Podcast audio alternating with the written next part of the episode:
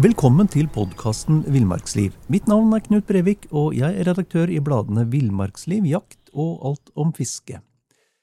I dag skal vi snakke om den store norske villmarksforfatteren Mikkjel Fønhus. Eh, og med meg har jeg, har jeg Amund Fønhus, som er barnebarn, og, og Arne Erik Fønhus, som leder Mikkjel Fønhus-foreningen og, og, som også har stått i bresjen for, for um, prosjektet Fønhusdagene.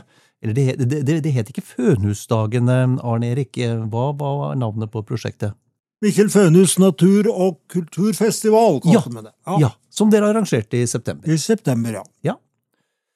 Um, vi, vi, gyver, vi gyver rett løs på, på barndommen vi, til, til Mikkjel Fønhus um, Amund. Um, hva slags oppvekst uh, hadde, hadde, han? Ja, han ble eh, født på eh, Lundby. Landhandelen nede ved hovedveggen her. Og han fikk Han var den første fødte, og etter hvert så fikk han en bror halvannet år senere. Eh, bodde der med mor og far, og far drev landhandelen.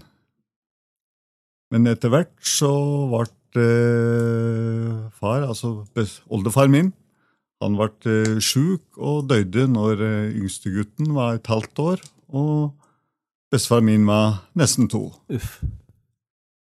Så det var nok eh, tøffe tak, men klart de hadde butikken, så de delvis leide bort.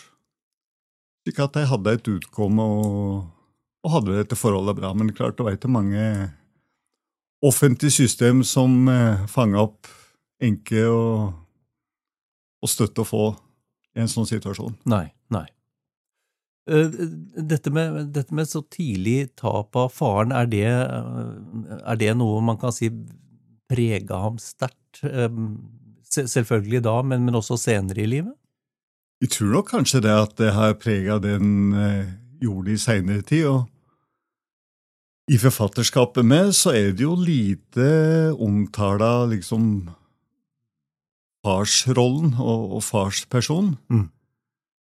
Eh, kanskje var det òg prega litt av i og med at far hans var sjukelig, for det var han i en del år før han døde. Mm.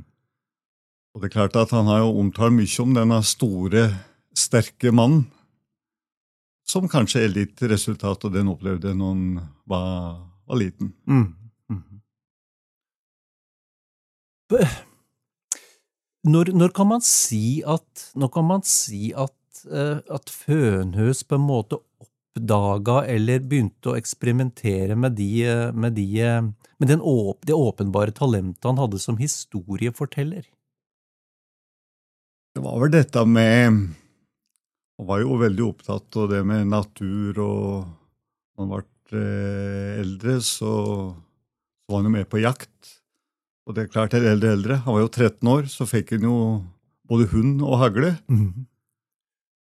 Eh, og han ville nok eh, sikkert eh, Dette med at han skrev, var jo mye ut ifra de opplevelsene og de, den kanskje òg hølet som smågutt i og med han vokste opp i den butikken, så vil jeg nok tro at det ble utveksla mye spennende der som han på en måte tok med. Så han var nok eventyrlysten, og dette brukte han jo i, i alt han skrev. Mm.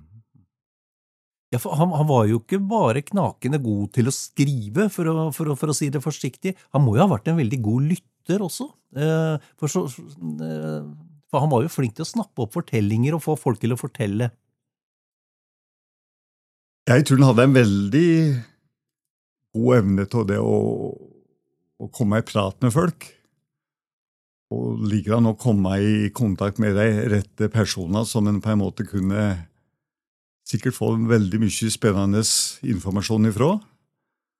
Og det var jo litt av metoden hans med, som en eh, brukte At han reiste jo rundt. Han, han måtte jo på en måte oppleve det der det skjedde, liksom, for å kunne gjenskape det godt i bøkene sine. Så reiste han rundt og, og, gjorde masse notater og, og, og samla den informasjonen og, og, tok med hit til Nissebakken og satt her og skrev bøker ut ifra så den hadde høsta notater ifra. Mm, mm, mm. Og, og, og hva, var, hva, var, det første han skrev um, som han fikk uh, publisert? Nå får du bladet Villmarksliv rett hjem i postkassa i tre måneder for kun 99 kroner. Send SMS VILL36 til 2205 og motta bladet allerede neste uke. Hiring for your small business? If you're not looking for professionals on LinkedIn, you're looking in the wrong place. That's like looking for your car keys in a fish tank.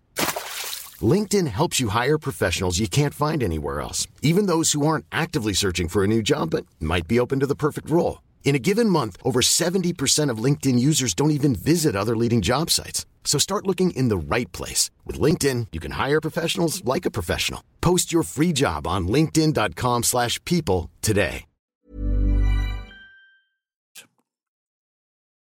Er ikke helt sikker på hva som var det første. Jo, jeg tror det første var en avisartikkel som heter På harejakt, tror jeg. Fordi han sendte inn eh, til lokalavisen, da. Små stubber, og det gjorde han allerede ganske tidlig. Um, som student um, så skrei, hadde han hadde en del sånne småstubber som, uh, som han fikk, fikk lokalavisen til å ta, da. Det var vel det som ansporet han til å skrive en roman etter hvert. Mm, mm. At han så at dette var vellykka. Og, og, og, hvordan var responsen hans, vet vi noe om det, da han fikk på en måte øh, anerkjent manus og fikk det publisert, og nå tenker jeg på den første artikkelen. Altså, var det, var det euforisk glede, eller var det Vet vi noe om hvordan han reagerte? Nei, jeg veit kanskje du veit, Amund, men altså Du vet, dette det, det, er en sånn bakgrunnshistorie for alt dette, fordi at det å altså Husk på det at han vokste opp i et Norge rundt unionopplysningen, ikke sant, og det var så mye spennende som skjedde. Det var de store polarfarere som var eh, gått over Grønland, og som fraus ned i Bæringsstredet, og som var til og med på Sydpolen.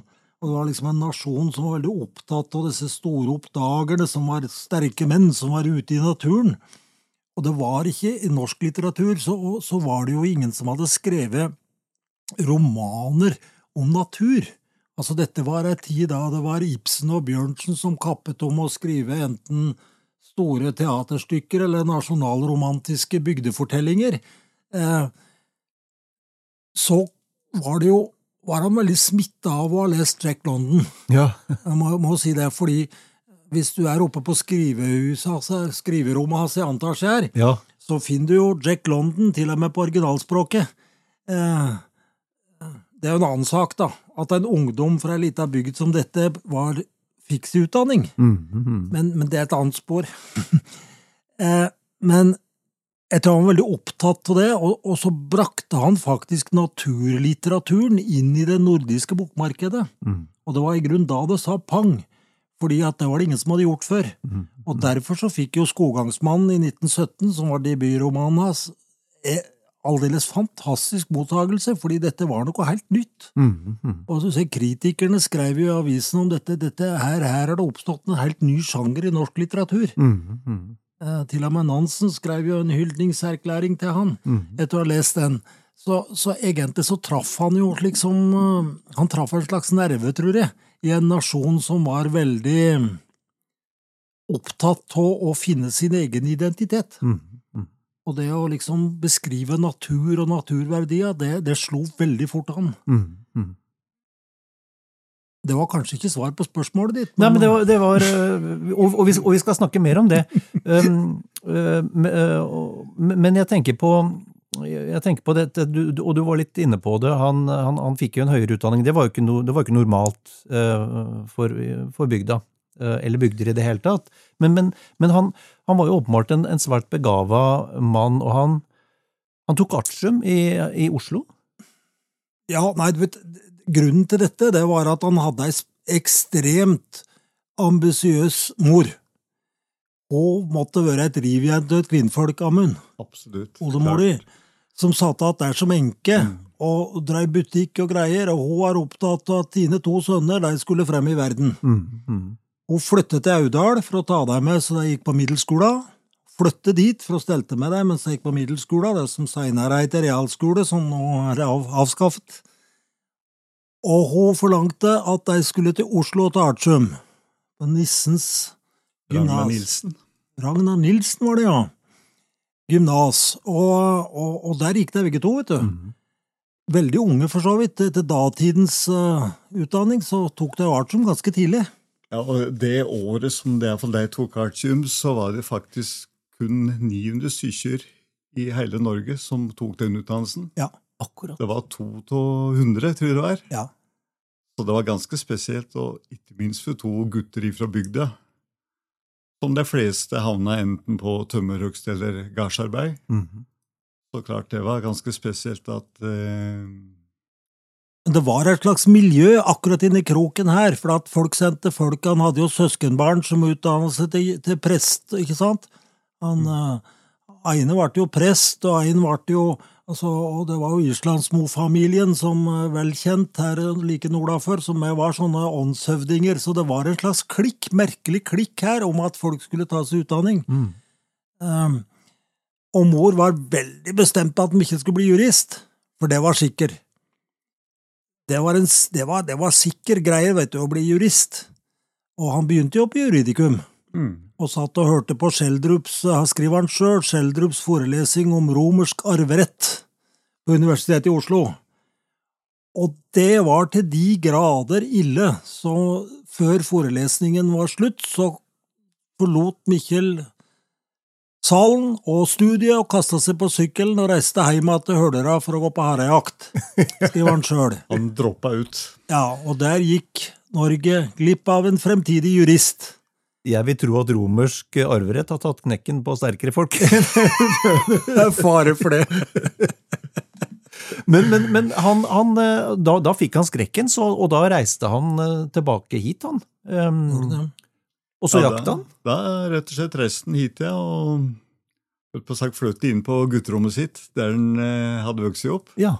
Og mor var sikkert fortvila. Hun var sikkert rimelig fortvila, som hadde da på en måte lagt så mye energi at de skulle komme så langt. Og de gjorde det jo bra. De fikk jo bra karakterer, og, og alt så jo lyst ut.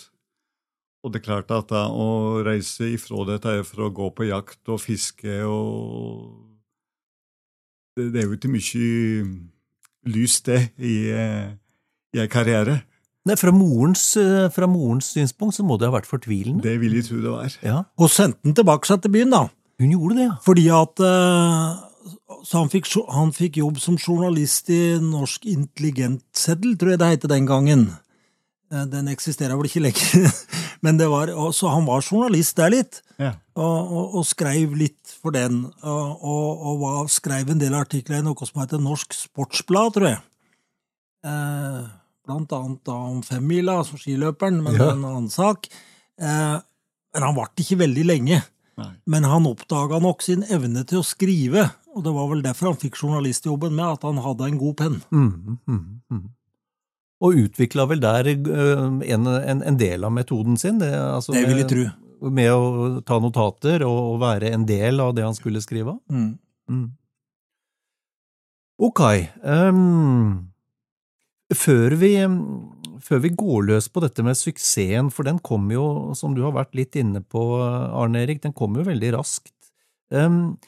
Det slår meg når man leser om Fønhus sitt liv kontra andre forfattere, at det et, eh, må ha vært et, et veldig harmonisk liv. Altså, det, er ikke så mye, det er ikke så mye kamp her for å bli anerkjent. Det er ikke noe rus, det er ikke så mye konflikter og støy som det ofte er i andre forfatterskap. Det virker veldig harmonisk. Han var nok en veldig eh, nøktern mann. Både økonomisk, og så samtidig hadde han jo det i tankene. Kanskje var det jo litt ut ifra den situasjonen med dårlig helse og faras, at han, eh, han mente blant annet at han måtte ha variasjon i arbeidsdagen. Mm. Så eh, når han satt her og skrev og produserte, så var jo dagsrytmen det at han sto opp styggetidlig og hadde ei økt i skogen, for det er ei skogteig til eiendommen der. litt innpå åsen her, som en gikk da og, og høgg tømmer fram til dugguren, som vi sier, altså midt på dagen. Mhm. Og så han da ned igjen her og åt, ofte graut. Og så var det ei lang og god hvil. Og så sette han seg på eh, skriverommet for å, å skrive og produsere, og gjerne til langt utpå kvelden. Akkurat. Så dette med å ha variert arbeid og og at vi må liksom ha kroppslig arbeid for å få det mentale til å fungere, det er jo ting som vi er absolutt klar over nå. og det, det visste han da at det var viktig for at han skulle kunne gjøre den jobben han gjorde. Mm, mm. Det henger sammen. Det henger sammen. Ja. Men det er for, det, for det, det du skisserer der, er jo også hva, hva skal man si, veldig, veldig trygge rammer. da. Forutsigbare og harmoniske rammer. Mm. Og det er klart han var dette med sunnhet, han var jo avholdsmann i hele sitt liv. Mm. Og det er klart at jeg vil vel tro at eh, han hadde sikkert en del kollegaer, iallfall i mellomkrigstida, så var vel det Kunstlivet kunne være ganske heftig. og det Det vet iallfall han hadde uttalt, at han så mange kollegaer gå til grunne av stilen. mm. mhm. Så han eh, var æresmedlem i DNT, som da var Totale avholdsforbund, som, som er avholdsforbundet nå. Ja. Og gjorde en god del eh, avholdsarbeid i bygda her. Mhm, mhm. Jeg vet Jømmen Arne Erik har vært på avholdsmøte her på Nissebakken. Ja, ja. I bestefar min sin hånd. Vi ble sendt hit på avholdsmøte annenhver søndag, og det var veldig interessant, for da leser Mikkjel fra bøkene sine og hadde spørrekonkurranse. Å ja vel. Ja, og så rekte han pipa hele tida, og så sier han men det er én ting jeg skammer meg over i mitt liv, og det er at jeg har begynt å røyke. Det skulle jeg aldri gjort, så det må du aldri finne på. Nei, vel. Nei. Det var budskapet. Ja. Ja. Ok. Um, jeg, jeg tenker eh, Vi har vært litt inne på det. Han, han fant jo sitt, sitt publikum uh, veldig fort. Altså Skoggangsmann. uh, fikk strålende kritikker. Uh, som du har vært inne på, Arne Erik. noe helt nytt i, i nordisk litteratur. Og så kom jo Der villmarka suser. Og da var på en måte Da hadde han knytta Han hadde fått sitt publikum, han knytta kontakten, han brukte ikke massevis av tid for å bli kjent, for å etablere et forhold. Det virker som han veldig raskt fikk en tilhengerskare, og holdt på den. Ja, det er helt åpen, åpenbart at det var sånn. At den eh, tilhengerskaren, den fikk han tidlig. Og, og, og de henger nok med. Det var liksom sånn i alle år framover, vet du, både før krigen og etter krigen, at det var liksom Når kommer høstens nye Fønhusbok? Mm, mhm. Eh, og jeg ser det den dag i dag, når vi er rundt og holder kåseri og Mikkjel Fønhus på biblioteker omkring i, i landet, eller på sånne eldre universitet og sånt. Så, så prater folk om dette, at de venta på årets Fønhusbok. Og så han hadde nok en veldig stor sånn fast leserskare. Mm -hmm. Han hadde det. Og så hadde han vel, han var inne på, det virker, det virker som om han, i hvert fall fra 50-tallet og fremover, had, var inne i en arbeidsflyt hvor han kom med en i året. Ja. Kom med bok til jul. Kom med bok til jul, Ja. ja. Og i mellomtida så var han jo mye synlig i debattinnlegg, og han, han jo, reiste mye rundt på kåserier, og han holdt jo liksom veldig varmt ned i, imellom hver utgivelse, så han, han var nok en veldig produktiv og, og veldig synlig. var det, og hadde, var veldig aktiv debattant i avisspaltene. Eh, ikke bare lokalt, men også nasjonalt, særlig da i forhold til naturvernsaken. da. Og Det begynte jo med rovdyrdebatten og fredningen av bjørn, og der villmarken suser med undertittelen 'Slagbjørn Drugg', som var eh, et slags forspill til denne kampen for å få freda bjørn. Det Ja. var han veldig opptatt av. Ja. Men ikke fjerna før i 74. Han ble ikke verna før i 74, så den kampen var lang. ja.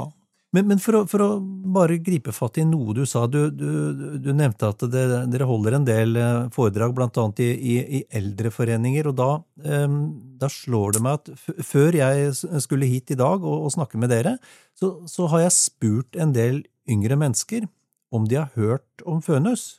til å begynne med så tenkte jeg det var et helt unødvendig spørsmål, for alle har hørt om Mikkjel Fønhus. Men det hadde de altså ikke. Nei. Eh, Så, og, og da tenker jeg, er det, er det sånn at, er det sånn at Fønhus er i ferd med å gå litt i glemmeboka uten, uten aktiv eh, Det er klart at eh, den litteraturen som en skrev, er jo Det er jo skrevet for 100 år siden og, framover, men klart at det som en sto for, er jo så veldig tidsaktuelt. Dette med både nå som vi prater om bærekraft og forvaltning av ressurser og forvaltning av land eh, Det er jo på en måte tvinga til å skjønne nå, så det er klart at en måte som når litt nye grupper nå, er vel dette med å rett og slett og det en sto for, å bruke det inn som en innfallsport til, til nye, nye nytt publikum, da, for å si det slik. mm, mm.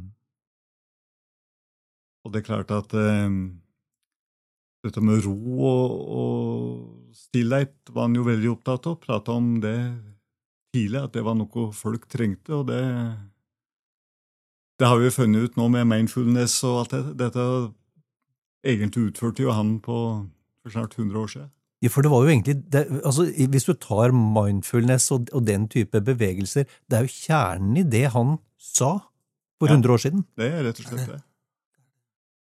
Og tenk på sitatet som jeg har brukt mye, som Mikkjel sa, eh, at eh, han sa en gang at eh, naturen er som et stort urverk, la oss ikke pirke for mye ved maskineriet. Mm, mm. Den er jo ganske tidsaktuell, det er jo det vi prata om nå. Hvor, hvor er eh, naturens tåleevne? Mm. Dette var ting han var opptatt av på 30-tallet. Alle syntes jo at han var en bakstreber, som i hele tatt var opptatt av sånt. Det var jo viktig å få bygd ut landet og få gode veier og bygd elektriske kraftverk, og det var jo så voldsomt. Og så sitter han og sier at la oss ikke pirke for mye ved maskineriet. Det er ganske godt sagt. Mm, mm. Og så kan du jo, og det er det, det som er litt oppgaven til Fønhusforeningen med, og det er å prøve å fortelle nye folk at det har faktisk noe med å lese Fønhus, så vil du kunne finne tak i noe av det som er veldig aktuelt i dagens debatt. Mm. Selv om veldig mange av de bøka som han skrev, som egentlig var debattinnlegg, de ville ikke til forlaget trykke. Som Gråbernstad, som uh, var en av de første, og en som heter Fjellsjøen, som ikke kom ut for etter han var død, som handla om kraftutbygging. Den, var, den, den, den burde jo vært som debatt vært utgitt i samband med Mardøla-aksjonen og disse store aksjonene, men forlaget ville ikke røre den. Mm. Eh, det samme gjelder Veien over fjellet, som han skrev i 39, som handla om hyttebygging. En debatt som er veldig aktiv i Valdres tida, fordi vi lurer på når er tåleevnen for eh, utbygging av hytter, ikke sant? Det er en aktiv debatt, Ja. fordi vi har veldig mye hytter i Valdres. Mhm. Når er tåleevnen for utbygging nådd? Dette var tema som Mikkjel Fønhus skrev om i 1939. Det var ikke en sjel som hadde tenkt tanken engang. Dette er aktuelt stoff, og så ser jeg når jeg er ute og prater, at det begynner å komme en del yngre folk. Særlig sånne fra Naturvernforbund og sånne ting, som, som er interessert, som begynner å si at du, jeg vet jeg har oppdaga noe her. Mm. Så vi håper jo egentlig at vi skal greie å vitalisere disse tankene inn i en ny tid. Mm. Jeg synes den sammenligninga med naturen er som et urverk, der hver art er som et tannhjul i det urverket. Mm. Og napper ut en art, så stopper uverket av at det ene tannhjulet er borte. Mm, mm. Det er ganske gode sammenligninger der som vi er dagsaktuelt til tusen nå, som vi bare må forholde oss til å skjønne med å bevare og beholde mangfoldet for ikke å- ødelegge balansen i, i hele maskineriet. Mm, Mhm. Men altså, for, for, for, for rundt 100 år siden, um, pluss minus, um, så, så var han altså opptatt av av uh, de, de mentale fordelene som er av å ferdes ute i naturen, uh, den harmonien man oppnår. Han, han var opptatt av dette vekselvirkningen mellom å bruke kroppen fysisk og å, bruke hodet. Han var opptatt av hytteutbygging, som det nevnes. Eh, altså, han var opptatt av rovvilt. Um, altså dyp økologi, naturvern. Dette er jo dette, dette, dette, var jo, dette var jo alt ting som var langt forut for sin tid, men, men det jeg tenker på, det, det å stå for disse tingene på 30-tallet, 40-tallet, det kan ikke ha vært helt omkostningsfritt. Vil jo tro at iallfall når han var opptatt av å frede f.eks. bjørn, da. Så da de som drev med husdyr og hadde en kamp mot rovdyra for å få på sagt, budskapen elevenes heimat om høsten, så ville han på en måte beholde den som gjorde den uh, ugangen. Det, jeg skjønner at han fikk folket mot seg med det. Mm. Samtidig som alle higa etter utvikling og tekniske nyvinninger, så stritta han imot. Mm. Så uh, det var nok uh, mange gode diskusjoner, tenker jeg, men jeg tror han kom Han hadde liksom respekt for den delen så jeg, jeg, tror det, men dette kjenner sikkert du, Arne. Jeg vet det var mye diskusjoner i lokala, helt ned på lokalavisnivå. Ja, det var ganske friske, de. Ja. Debattene med andre her i bygda, de skrev i avisene. Eh, og redaktørplakater i dag ville ha stoppa den måten å skrive på som de gjorde før i, liksom, i 30-åra. Det, det, er fornøyelig å lese, altså. Brutalt. Det er brutalt. De kalte hverandre åndsdøve og det ene med det andre. Eh, og særlig Mikkjel fikk jo veldig mye kritikk, for han var så bakstrebersk. Eh, av bygdefolket. Andre som mente seg å være store personligheter i bygdesamfunnet, som skrev i avisen at nå må han der eh, forfatteren som ikke driver med noe ordentlige greier, skjønne at dette går ikke an. Mm. Sånn er ikke verden. og det er jo naturlig i et lite bygdesamfunn. Fordi husk på at dette var jo folk som var vant med å de var, jo, de, de, de var jo, stolte av at de endelig hadde greit å utrydde ulv og bjørn, ikke sant? Mm, mm. For det hadde vært en landeplage i tusenvis av år. Nå har vi greid det, og så kommer det en kar og sier at dette skal fredes. Det, da er du på kant med hvordan folk tenker, og så han må forstå at det er noen konflikter i det, i det bildet der. Absolutt. Men, men, men hvordan, hvordan, tok han det sånn privat? For én ting er å forholde seg til et avisinnlegg eller en kronikk som er, krinisk, eh, som, som, er, som er, kritisk, men, men, her er det, det Dette er bygd, er litt bygd. Altså, hvor, hvordan, hvordan, forholdt han seg til kritikken og den, hva skal du si, eh, motstanden han møtte, og også her i bygda? Han var vel såpass heil ved, holdt på sagt, at han, han mente det så oppriktig. Mm syntes jo han var urokkelig på det, og jeg tror nok han ble eh, oppfatta som absolutt troverdig i det han oh, ja. mente. Å oh, ja.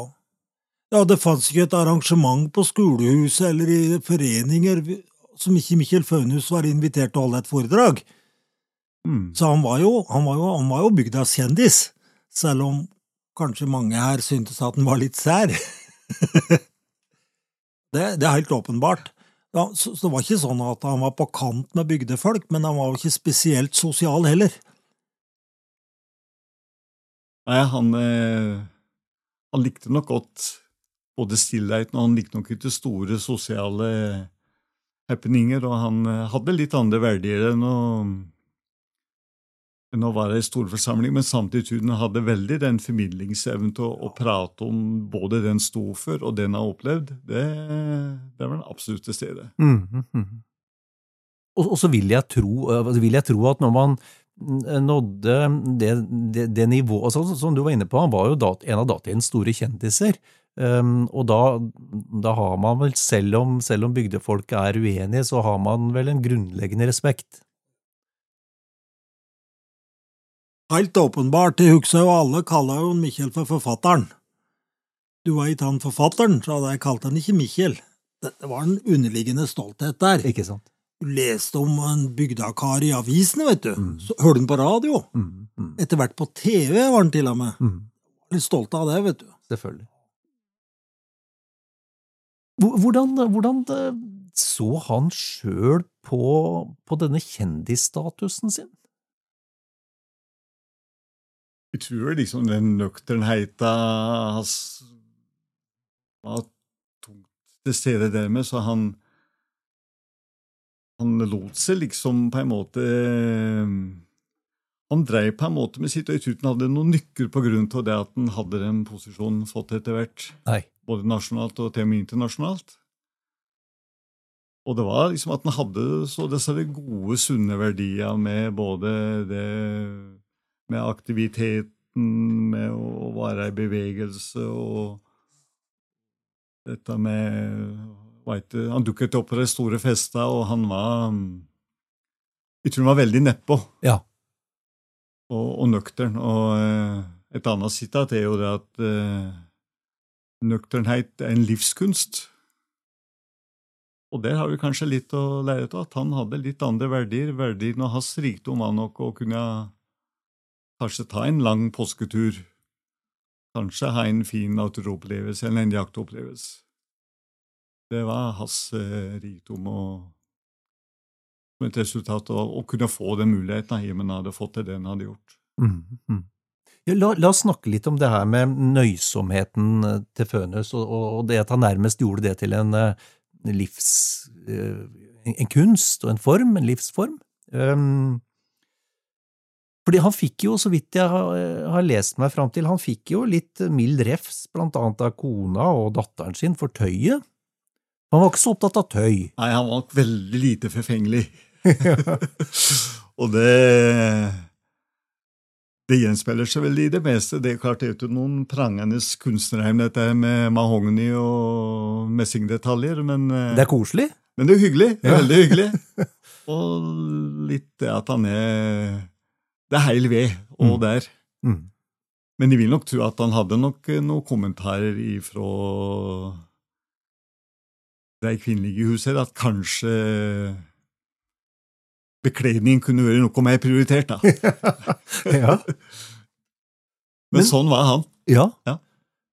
Og uh, jeg, jeg har lest meg fram til her at uh, Ebba Haslund, uh, hun tidligere leder i, i Forfatterforeningen, hun forteller i, i et avsnitt hun skriver om, om, om Fønhus, om en bokmesse i Telemark, hvor Fønhus skulle få lov til å bo fint på hotell på forlagets regning osv. Men så, det kom aldri noe regning, da.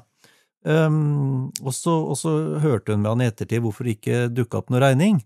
Og da fortalte han visstnok at han hadde lagt seg til å sove på en benk på stasjonsventeværelset med frakken over seg. Han syntes det var altfor mye, mye penger å bruke på en overnatting. Det sier også noe om eh, en veldig nøysom måte å leve på, selv om andre betaler regningen. Mm.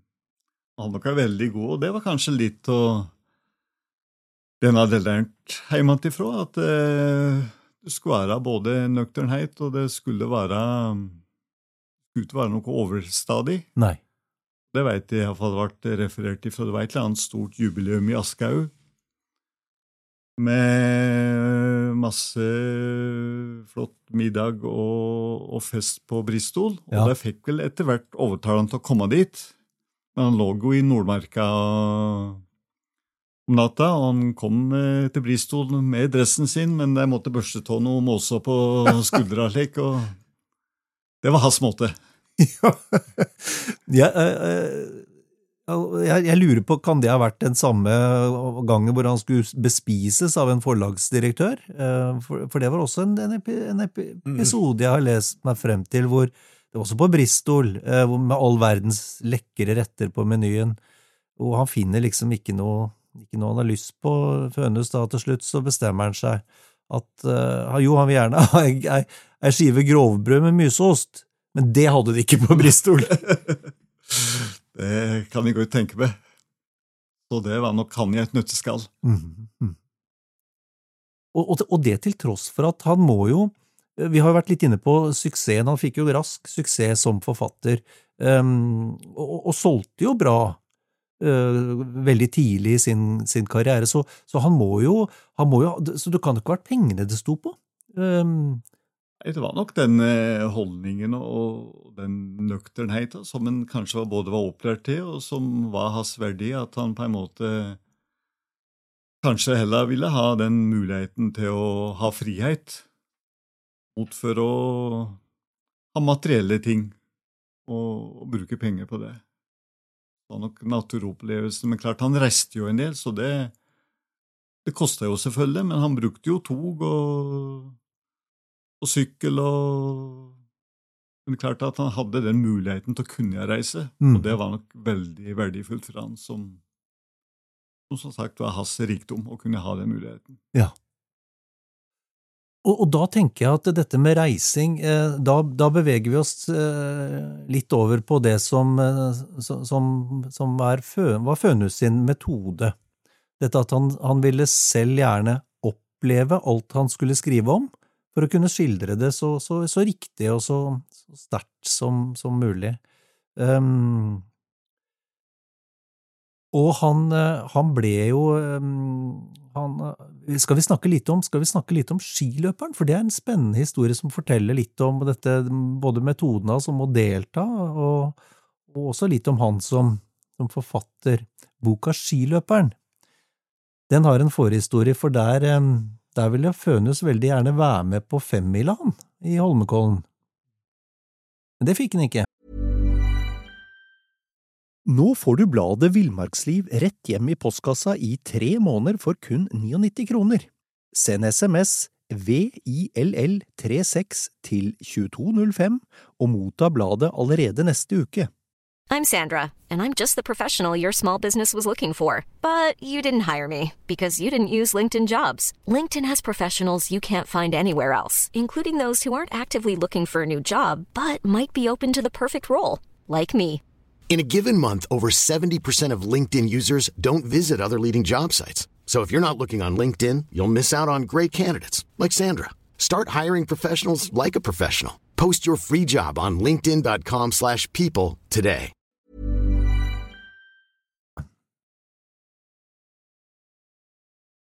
Kan du mer om den, eh, Amund? Eh, Jeg veit vel at han fikk ikke det, men han gikk vel uten startnummer? Han, han gikk for det. Ja. Eh, men, men boka i sin highlight med sier ganske mye om Mikkjel, fordi at boka slik manuskriptet hans er, er annerledes fordi der greip forlaget inn. Fordi For den som har lest boka, så vinner jo denne mannen femmila i Kollen, ikke sant? Og, og får jo da jobb i en sportsbutikk i Oslo og blir bymann. Men originalmanuskriptet er ikke sånn. Fordi at originalmanuskriptet er sånn at denne gutten som da drog til byen og vant femmila, han drog jo hjem igjen og drog til skogs. Han ble jo ingen bymann. Men det var det forlaget som skrev om, og dette, det, denne historien har Wilhelm Nygaard fortalt oss mye om. At forlaget greip inn og sier at dette er ikke moderne. Altså det, han skulle jo, Denne som vinner femmila, han skulle jo bli en kjendis, og han skulle jo bli forretningsmann og være i sportsbutikk fordi at alle skulle se han, men det var ikke Mikkjels måte å beskrive denne karen på. Nei. Han var en skogsarbeider som drog inn, som de gamle gjorde, gamle skiløperne, vet du, de eh, drog inn for å gå femmila og drog tilbake igjen for å hogge tømmer, og det var sånn originalhistorien var. Så skiløperen er egentlig utgitt i to forskjellige versjoner. Akkurat. Det er Mikkjels originale, og det er forlagets. Akkurat. Det sier litt om hans tankesett, det med. Ja, ja, ja. det speiler jo liksom slik at, sånn som naturen egentlig, at det, det, det ender jo ikke på noen måte alltid godt. Nei. Det er ganske Så- brutalt. Så ganske brutalt, ja. Sånn, sånn er det jo. Mm, mm. Det er klart, Forlaget ville vel helst produsere eller gi ut noe som, som folk helst ville høre, og, og som solgte best. Og så prega det litt i resultatet. Mm, mm. Og, og et litt, litt, litt av i, i bakgrunnsarbeidet for boka, så, så, som du var inne på, så, så um, Arne Erik, så eh, gikk han jo også den femmila. Han, eh, som du sier, uten startnummer, men han eh, gikk sammen med de andre samme løypa samme dag, og fikk kjenne på smerten, kjenne på hvor vondt det er, kjenne på det som skjer når kreftene tar slutt.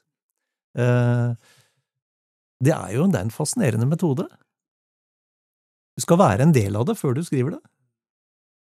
Men dette var jo ikke eneste gangen han gjorde det. Han, eh, han eh, reiste jo til Finnmark og drev med gullgraving.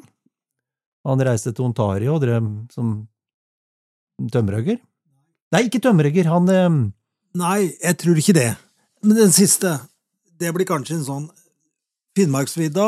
Ja, han Ja. var jo med disse samene og, og gikk på ski og, og, og, og var jo med i hverdagslivet deres. Ja. ikke sant? Han var jo med denne gullgraveren Ja. ute.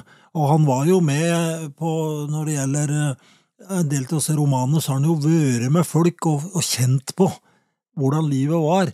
Når det gjelder Ontarioskogen, så er det en annen historie. Okay. Fordi det var mange her fra bygda som drog til USA på 20-tallet, eh, for det var dårlige tider, vet du. Og som havna som skogsarbeidere i eh, For det var det de kunne. Blant annet i Ontario. Så når han drog dit, så var det for å besøke folk han kjente fra bygda. Ja, ja, ja. Og det var i depresjon. Og det var nok en ganske voldsom historie. Så, så han intervjua disse, og, det, og, og den romanen den er jo småfortellinger om disse her skogsarbeiderne, om hvordan de hadde det der borte. Jeg tror ikke han høgde tømmer der. Jeg tror ikke det var derfor han var der. Det var for å sikkert kunne skildre det og gjengi det bedre, så måtte han være både der det skjedde, og være med de rette personene. Ja. Mm. Det gikk vel alltid veldig mye av det han skrev, at kunne klare å gjengi det på en troverdig måte, så- måtte han ha følt det litt på kroppen, akkurat som skituren og, og gullgravinga. Ja, og, og, og ikke minst polarbøkene hans. Mm. De tre bøkene fra Spitsbergen og Bjørnøya, Mm. eh, der han var med landmålere i, to, i en lang sesong, eh, og gikk på Svalbard for å, å, å føle landskapet på, og besøkte disse fangstmennene. Mm. Og da var det jo for å kjenne det på livet. Mm. Er litt artig det, på Sør-Vestlandet, på Spitsbergen eller på Svalbard, så er det en fjord som heter Fønhusfjorden. Ja. Og historien er sånn, han var med noen landmålere, og så gikk det jo tom for navn, vet du. Ja, ja. Og han var med disse karatene som hjelpegutt, da, kanskje, for å oppleve Polarlandet. Og så ja, skal vi kalle denne fjorden? Han har ikke hatt noe navn. Nei. Og så er det en som med, jeg kaller den Fønhusfjorden. Så hvis du går på Yr og søker Fønhusfjorden, så finner du hvor kaldt det er på, sør, på Sør-Vestlandet på Svalbard. Akkurat. Det, det er en sånn liten sak, men, men han var jo faktisk med. Han var, ikke, han var ikke der som turist, han var med og gikk i terrenget og opplevde og bodde i fangsthytter og sto i. Ja. Og han var jo til og med på jo til og med i Afrika, på, med på, på en eh, så- Hvor de skulle jakte løve. Ja, han var i Afrika, i Tanzania og Uganda, altså i vest, det man kaller eh, Øst-Afrika. Eh, jeg vet ikke hvor lenge han var der, ja, men han var nok en stund, fordi da, det med historier om folk han intervjua der, så typisk han har sittet og hørt på folk fortalte, og skrevet ned. Og det var jo da blant annet en svensk eh, sånn game warden, hva heter det på norsk, sånn, som var, tok med turister. Viltvokter, eller Viltvokter, guide. ja. Mhm. Eh, og, og, og, og, sette seg veldig mye inn i det. Så han skrev jo to romaner fra Afrikaturen sin. Mm. Eh, eh, Løven i Kilimanjaro kunne jo vel Kilimanjaro, det var kanskje der han hadde vært. Eh, og Leoparden, da. Han henger jo der, jeg vet ikke om det er samme leoparden, men det er i hvert fall leopardskinn. Så han hadde Dermed var han jo ute i bushen, og det er mange bilder fra den reisa hans der han slår sammen med disse, disse afrikanerne med sine spyd og greier, og lett seg avbilde. Ja, ja, ja. Så jeg veit ikke om han var der først og fremst for å jakte. Nei, jeg vet ikke hvor eh, Det var vel kanskje for å I og med han skrev om den jakta, så, Ja. så ville han komme litt tettere på, men det er klart å ta en Afrikatur i, på slutten på 20-tallet, det er en ganske spenstig reise. Det var en, må ha vært en omfattende Så jeg vil nok tro at det var mange her i bygda da som trodde aldri de skulle se han komme igjen. Når han tok eh, kufferten og sykkelen og sykla opp på Leirskogen her, for på, det var det stasjon, og tok toget da til Oslo og, og videre nedover kontinentet og til til sjuende og sist til Afrika. Og det, det tok ganske lang tid, den reisa. Tror På de billettene som vi har, så tror jeg regner som det var omtrent tre uker Ja, i hver retning. nettopp. Det var fra Oslo, og så var det båt over til Danmark. Så var det da tog nedover kontinentet, og så var det båt ifra Amsterdam, eller Nederland, og til det afrikanske kontinentet. Mhm, mhm. På baksida, vet du. Ja. Det ligger jo ikke på europeisk, det, ligger jo, det var i Øst-Afrika han drog, ikke Vest-Afrika. Ja. Han skulle jo inn i Det indiske hav for å komme Ja. dit, så det var en lang reise. Mm, mm. Men det som er artig med den, syns jeg. Jeg var så heldig for en del år siden at jeg ble invitert til noen slektninger som bodde i Tanzania, så da fikk jeg tre uker i Afri, i det området Mikkel hadde vært i. Ja vel. Og før jeg drog dit, så leste jeg de to romanene, og da jeg kom ned i det landskapet, så frøs hun over ryggen. Altså, hans måte å fremstille et så fremmed både landskap og klima og allting, altså til og med lukte, Mm. stemme. mm. Det var liksom, ja, men her har jeg vært før. Jeg har lest romanene til Mikkjel Faunus. Det er så presist beskrevet, altså denne følelsen som du Du får den røde jordet, denne spesielle lukten, spesielle temperaturen, disse her løvebrølene når det burde vært skumt om eftan. Det var jo helt skummelt, så presis han var til å beskrive, altså. Mm. Mm. Ja.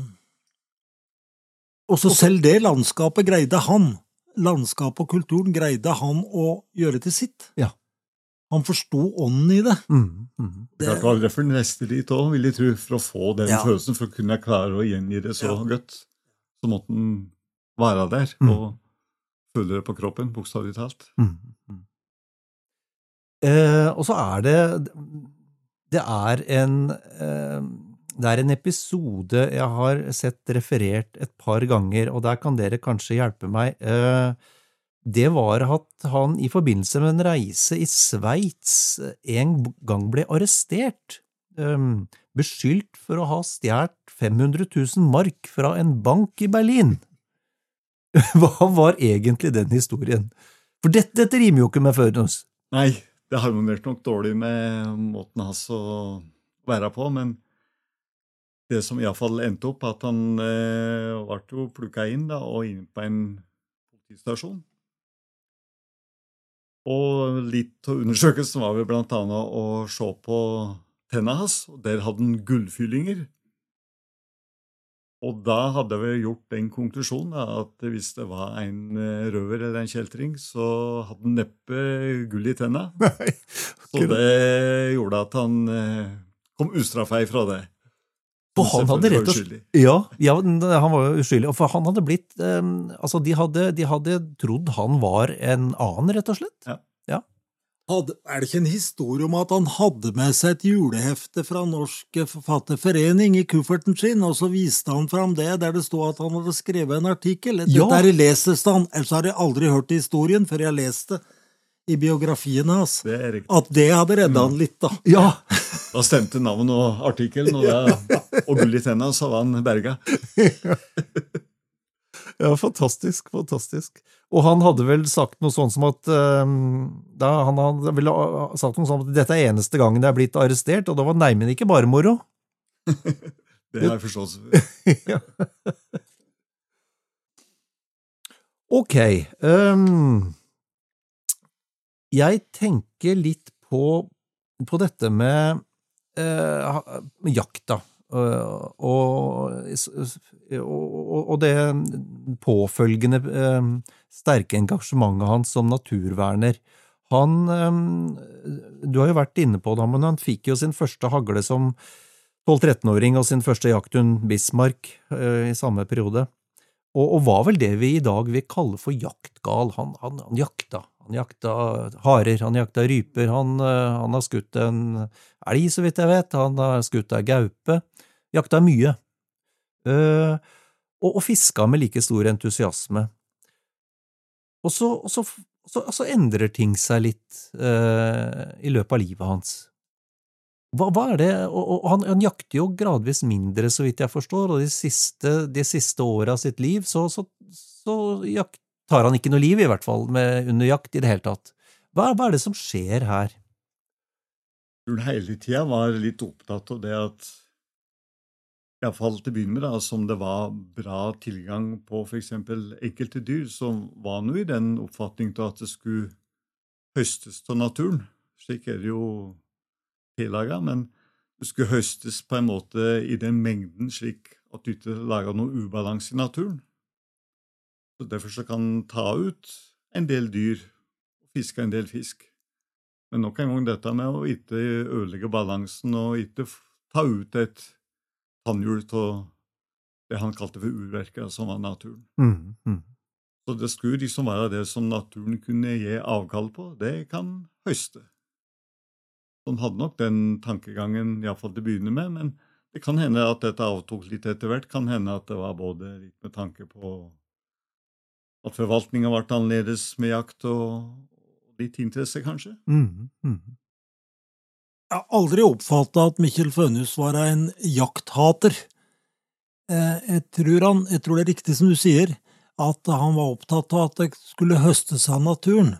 Det som han var veldig skeptisk til, og som var en sånn lokal kamp her oppe, Mm. det var at han mente det var veldig usunt at vi skulle dra folk fra byen til å fiske, fiske i elva vår og sånn. Mm. Fordi at den ressursen som var i naturen, den skulle brukes av de folket som bodde i bygda. Ja.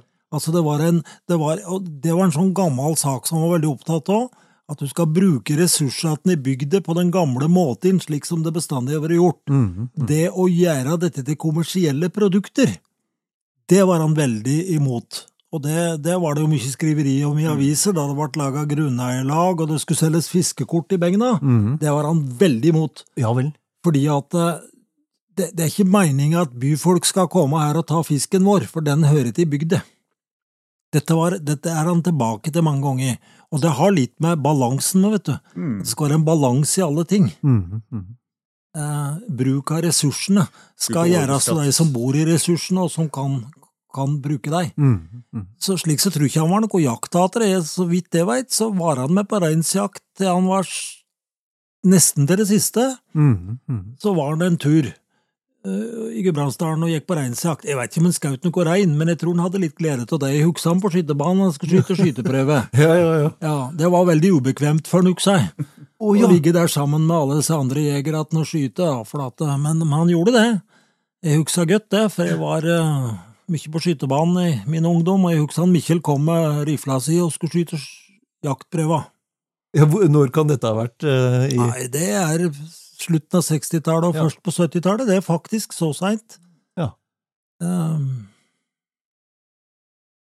så han, han var nok ikke motstander mot jakt, men jeg tror han var motstander mot denne her, hva skal jeg si, denne her oppblåste ta ikke bymentaliteten med deg Nei. ut i naturen. Nei. Altså, det var dette med å gjøre det til et slags produkt, der du skulle, folk skulle komme fordi de skulle skyte viltet vårt eller fiske fisken vår. Mm, mm. Det var liksom Det, det rima ikke helt. Nei, nei. Og så hadde han vel eh, allerede fra ganske ung alder av en, en aversjon mot, eh, mot denne mm, fellefangsten som Altså fellefangst der er blant annet levende fangst. Disse, disse saksene. Den, den sto, store kampen til Mikkjel allerede fra 20-tallet fram til vi fikk ny jaktlov i 1936, jeg håpa det var riktig, at det var da vi fikk den, ny viltlov, Ehm, det gikk jo på to ting. Det gikk jo på dette med rovdyr. Opptrinnet var jo slagbjørn rugg i der villmarken suser og skriker fra kverviljuve og dette. Det var to ting som var viktig for han å få inn i nyjaktloven. Det var forbud mot fotsakser, og det andre var bruk av veronal, altså gift, som var veldig vanlig å legge ut åte med gift til rev og, mm. og den type dyr. Mm. Og de to tingene hadde han veldig, var en veldig aktiv debattant i Aftenposten og i andre store riksmedia. Eh, og Kvasse debatter om det, og det ble faktisk gjennomført i den nye jaktloven. Mm. De to tingene ble forbudt. mhm. Den nye jaktloven, jeg tror det var i 36. Viltloven heter det vel. Så det var nok så Mikkel på som en seier, mm, mm. at han hadde fått det. Ja. Han ville gjerne ha freda bjørn og ulv samtidig, det fikk han ikke til. Men det var også de to andre eh, kampsakene. Mm. Og han fikk det jo som han ville, men det tok jo ytterligere noen tiår før Bjørn og Ulv ble freda. Ja, Bjørn ikke før i 74, så vidt jeg veit. Ja. Eh, Ok, um, dette med dette med alderdommen er litt interessant for, for en eh, forfatter som, som Fønhus. Um, og da tenker jeg, jeg har lest, eh, og jeg har lest at han var veldig, veldig redd for å bli gammel og avfeldig. Han var veldig redd for å måtte tilbringe de siste åra av sitt liv eh, på et gamlehjem eller pleiehjem. Og da, og da, og da, da tenker jeg sånn umiddelbart at er, er ikke det et et paradoks, på, på, sett og vis, for en som så til de grader er kjent for å, for å skildre realisme, liv og død i, i, naturen. Ja, kanskje det å henge litt sammen med at han mista far sin så tidlig, kanskje. Han, eh, Sjøl om han ikke huska det sjuke leiet til far sin, for da var han jo så liten, så hadde han sikkert fått det mye fortalt. Mm. Men han eh, sa jo det at han var jo født i Susentelva, i og med at han var født nede ved Begnelva her. Mm. Han døde jo nesten 80 år seinere i samme Susen av mm. elva, akkurat ved heimen nede på Nissebakken. Mm. Mm. Han både kom til og forlot verden i eh, lyden av ekte natur. Mm. Ja, for han falt om og døde. Ja, det gjorde han. I 1973. Så det er 50 år siden i disse dager. Mm, mm. Da slapp han jo å sitte på et, på et aldershjem. Så det ble jo som han ville. Det blei som han ville. Det ble som han ville. Mm. Um, jo, en, et par ting som, som, jeg har lyst til å snakke med dere om. Um, og, det, og, det, ene er jo en av de En, en av hans uh, mange fantastiske bøker, men en av de som virkelig, virkelig Eh, mange har, har, har elsket, det er jo Trollelgen. Og et, et sånn kuriøs fortelling der at uh, den ble jo trykket opp i over 400 000 eksemplarer, den, uh, i, i, Tyskland før krigen, fordi nazistene elsket Fønhus. Um, og, og, og for, for, dem så har jeg forstått at det Han representerte det ufordervede ved det nordiske urmennesket, så å si. Men Fønhus selv var jo ikke nazist. Eh, hvordan, hvordan, stilte han seg til den oppmerksomheten han fikk fra tyskerne? Han var jo veldig populær, veit du, i, i, i, Tyskland, som du sier. Ikke bare med den, men med flere av sine romaner. Det, det, det gikk jo som varmt hvetebrød. Det ble jo trykt opp blant annet Trollelgen og sendt til østfronten til soldater til avspredelse. Han eh, hadde, var invitert og var i Tyskland på turné og snakket om sine bøker, invitert av uh, Foreningen Norden. Uh, men så kom jo krigen, eller det begynte, og han, han, skjønte nok at dette her er en ideologi jeg skal være litt forsiktig med. Så når det begynte å nærme seg krigsutbruddet, eller 38-39, så avbrøt han i grunnen den kontakten. Det er en historie som jeg har hørt av Amund om at han hadde fått en stor marsipangris i julepresang fra sitt tyske forlag. Oh, ja. Og den var jo mor di og Gudbjørg sikkert veldig hissig på å få smaka på. Ja. Men han Mikkjel den gikk han og grov ned borti skogen her, for den skulle han ikke ha. Og det er vel også noe med at han nekta å ta imot royalties fra sitt tyske forlag på slutten. Stemmer det, Amund? Det har jeg med hørt. Ja, at han tok imot det. Og, og, og, det er klart at han var jo Da krigen braut ut, så var jo det Det var jo virkelig brutalt for en mann som, som var mot uh, var veldig skeptisk til tekniske ting når tyskerne kom. De store kamphandlingene var jo nettopp her, mm. oppe i Bang. Mm. Og, og, her kom det store kolonner forbi Nissebakken med, med tanks og motorkjørte kjøretøy, og de begynte å bombe med fly. Det gjorde et uslettelig inntrykk på han, eh, det veit jeg, og det har han sagt mye om. Og han var jo med også i Forfatterforeningens boikott under krigen. Det var jo forfattere i Norge var jo to leire. Mm, Vi kjenner jo den historien med Hamsun på den ene siden, og Mikkjel ga ikke ut bøker under krigen. Det vil si, det kom ei bok i 43 som, um, som het Elgknut. Og det var et manuskript som Aschehoug hadde liggende, som de trykte. Det var ikke fordi Mikkjel ba det om å bli trykt, de bare trykte det. Det var litt konfliktfylt for han, tror jeg, mm. men Aschehoug de skødde i butikk, så de trykte jo den. Mm. Men han skrev ikke bøker, men han var veldig produktiv i krigen, for i 46 så kom jo dette storverket hans med kaia i Tustedalen og, og disse tingene, så det, jeg tror han hadde gjort mye under krigen, men han ga aldri ut bøker. Han var helt taus i avisspaltene. Mm. Mm. Eh, noen som har skrevet biografi av Mikkjel, har jo vært opptatt av denne historien og lurt på om han var litt sympatisør av den nazistiske ideologien Det må man bare avbekrefte, for det er det ingenting som tyder på, heller tvert imot. Men, han, men, men, det, men nazistene omfavnet forfatterskapet hans fordi det var så arisk. Mm, mm. Jeg tror det lå veldig mye i det. For jeg spørre dere hva Han har jo et stort forfatterskap eh, bak seg. Hva hvil, hvil, Hvilken bok er det du vil sette mest eh, pris på? Amund? Klart skriket fra Kvelderjuvet er nok veldig sterk. Og så er det det at eh, i og med vi bor her, så så er det så gjenkjennelig det en beskriver. Mm, mm. Både det med stemninger og, og sånn som man beskriver naturen. og Det er lett å sette seg inn i den historien når du òg kjenner terrenget, og det er liksom så gjenkjennbart. Og, Mm. og det er veldig eh, sterk historie, og som naturen ofte er, så ender det ikke så godt. Mm. Og eh, slik er jo dyreverden, blant annet. At eh, det er ikke alt som har en lykkelig slutt. Så det er ganske Den er ganske gripende, syns jeg. Mm. Hva med deg, Arne Erik? Har du en favoritt?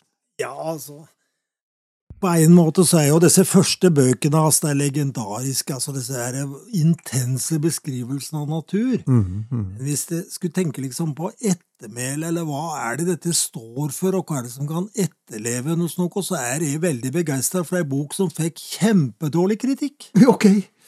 Og det da kom i 1939, som heter Veien over fjellet. Det er en fantastisk bok, syns det, fordi der skriver han jo om Nietzsche. Han skriver om de store europeiske tenkerne, Mm. som denne gamle karen oppe i en fjellgard har lest, og som han sitter og siterer. Jeg tror det er en selvbiografi. Samtidig så peker han jo så rett imot dagens eh, debatt om hvordan forvalte man arealer på landsbygda. Mm. Jeg, jeg er så imponert over den romanen. Mm. Lest i dag. Men 1939 så var det jo elendige saker, det skjønner jeg. Mm. Men les i dag så vil jeg anbefale Veien over fjellet. Kom i veldig små opplag. Aschehoug sier at nå er det født nå er det slutt på Mikkjel Fønhus sitt forfatterskap, nå har han mista grepet. Den kom 50 år for tidlig, egentlig. Mm. Mm. Ja. Tenk på hvor framsynt det egentlig var. Mm. ja det er sånn, jeg, jeg er veldig glad i den boka. Mm. Spennende. Men det var jo mye med Fønes da, som kanskje la, lå litt forut for sin tid, eh, både i forhold til bokutgivelser og, og, og oppfatninger og meninger, som vi har vært litt inne på. Han var åpenbart en, eh, en mann som evna å skue langt fremover. Ok, ehm, vi må snakke lite grann, vi har jo vært inne på dette med, med, med nøysomhet, vi må snakke lite grann om Mikkjel Fønhus sitt turutstyr òg, dere. Vi lever jo en tid med, med, masse forventninger til fint utstyr. Um, Mikkjel Fønhus var ikke så opptatt av merkene. Eh, hva, var det han, hva var det han ofte hadde med seg på tur? Nei, han hadde ikke mye teknisk yttertøy, for å si det slik. Nei, Så det var vømmelsklær det gikk veldig mye i, og ei- gjerne ei vindjakke for å, å få det vindtett. Mm. Og det er klart at det med, iallfall på vinterstid, og så hadde han en eh, reinsdyr sovepose. Og den var jo sydd slik at håra var inn. Og det veit jeg nok i alle fall bestemor mi hadde litt delte eh, om hvor bra det var iallfall noen, noen kom igjen, for da, da var han bokstavelig talt uh, hårut. ja. Men han var sikkert god og varm. Ellers så var det, og eh, når det gjaldt eh, provianten, så var det, hadde jo en sånn en egen eh, resept på det, da, at det var å eh, steike flesk. Og eh, dette lå liksom da og bada i feit, da, og så knuppa han oppi brunost ja. oppi det feitet.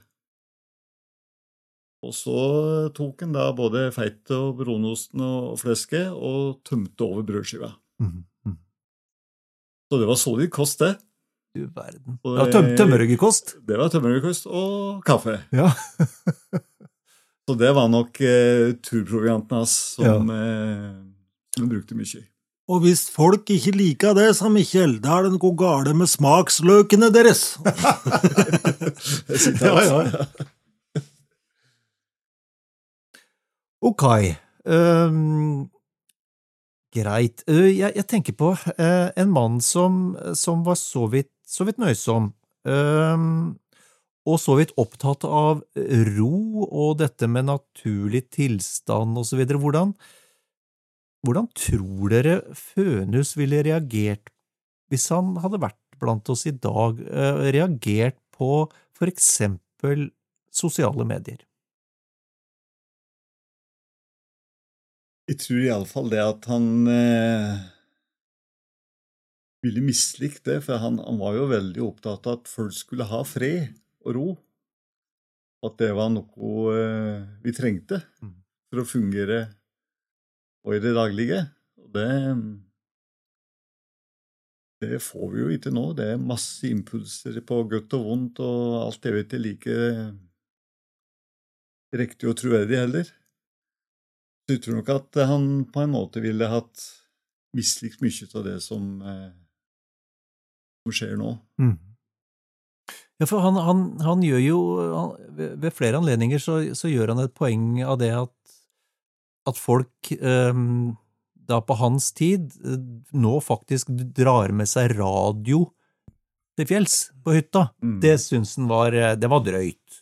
Da ødelegger du litt av den stillheten. Så jeg tenker, Tenk deg hvilken kakafoni det er av lyder og meldinger og inntrykk i dag i forhold. Ja. Og det Han ville kanskje følt seg litt fremmed. vil nok følt seg veldig fremmed.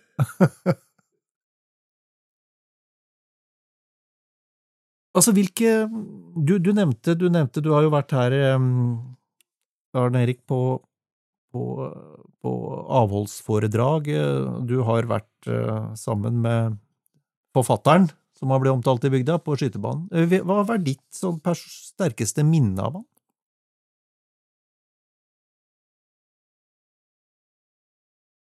Eh, ja, hva skal jeg si da? Jo, det var jo det at det var veldig spennende å høre på han.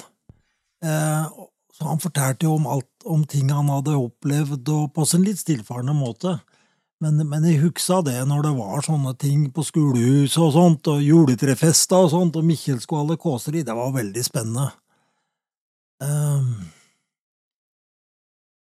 det var, han, han, for oss som var unge, og ungdom, ja, unge for å si, så var han var jo en spennende fyr, vet du. Mm. Det var spennende, dette. Han hadde vært så mange steder, han hadde mange ting å fortelle, Ja. Og så hadde han en veldig fortellerevne. ja, det er det. På sin litt spesielle måte. Ja.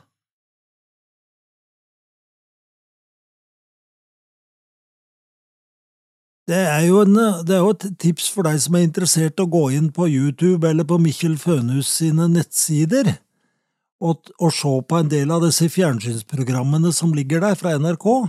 Ganske artig. Da får du litt, da får du litt grann stemningen til å høre på hvordan man prater, hvordan man prater med andre folk.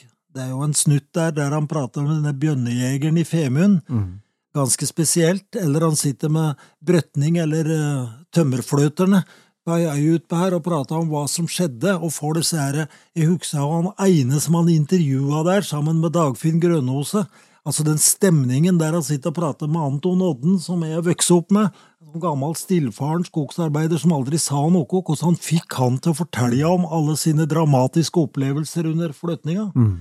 Eh, de, de, de programmene er veldig fine. Det anbefales. Ja. Godt tips. Da går altså folk inn på Mikkjel Fønhus på egne nettsider på, som har lagt ut, da. Ja. Og der ligger alle Det ligger radiointervjuer, det ligger filmer, det ligger bokomtaler, det ligger masse stoff der. Ja, ja. Så kan det jo følge oss på Facebook-sidene våre, for der eh, er det mange som har minner om Mikkjel og skriver ganske mye. Ja, der legger vi ut bokomtaler hver uke, og Spennende. Nei, men det, det anbefaler vi. Sånn, sånn litt når vi nærmer oss, eh, når vi nærmer oss slutten her, hva, hva, hva tenker du, eh, Amund, hva var den viktigste arven eh, Mikkel Fønhus etterlot oss? Jeg tror kanskje at eh, at vi må tenke oss om dette når det gjelder forvaltning av ressurser, for eksempel. Det er på en måte flere ting som en har eh, måtte fått seg rett i. Altså, dette både med, med dette vi prata om med hvordan vi behandler naturen. Han, han sa jo òg det som egentlig en god beskrivelse, at eh, du på en måte er for slemme imot naturen, så vil naturen hevne seg. Mm, mm. Og det er klart at det er vanskelig å nå en dagsrevy uten en eller annen ekstrem vær i en eller annen sort. Mm, mm. Så kanskje den naturen de òg hevner seg litt om dagen, i og med at de har vært litt lite greie mot naturen Mm. gjennom mange tiår. Så det er litt rart å tenke på. La oss ikke pirke for mye ved maskineriet. Den står seg. Mm. Og så tenker jeg helt, når vi runder av her nå um, da, da Mikkel Fønhus ble gravlagt, så, så oppsto det en litt spesiell situasjon ehm, under begravelsen, da, da, da den var i ferd med å, å avsluttes. Ehm, hva skjedde da? Nei, det var når eh, begravelsesfølget og båra ble båret ut på, på gravplassen utafor kirka i Bang. Og når eh, kista da ble eh, senka ned, så kom det en grågåsflokk. Dette var vel da i månedsskiftet oktober-november. Mm. Kom synnante og liksom gjorde en sving over kirkegården Mm. og reiste søtover. Og kom att og gjorde enda en sånn sving. Hele den grågåsflokken i, i en sånn kjent V-formasjon. Mm. Mm. Og det ble nok en veldig spesiell stemning, som kanskje er en hilsen fra Valdresnaturen. Mm. Det var spesiell, spesiell Ja, var, jeg var jo for liten til å på en måte skjønne det, men vi skjønner jo at det var veldig spesielt. Og det er jo veldig godt beskrevet av av Knut Hauge, som er en lokalforfatter fra Nord-Valdres. Ja, for man kan jo velge å se på det som eh, naturens siste hilsen til eh, sin forfatter. Ja, Det var nok det. Takk for en hyggelig prat, karer. I like måte.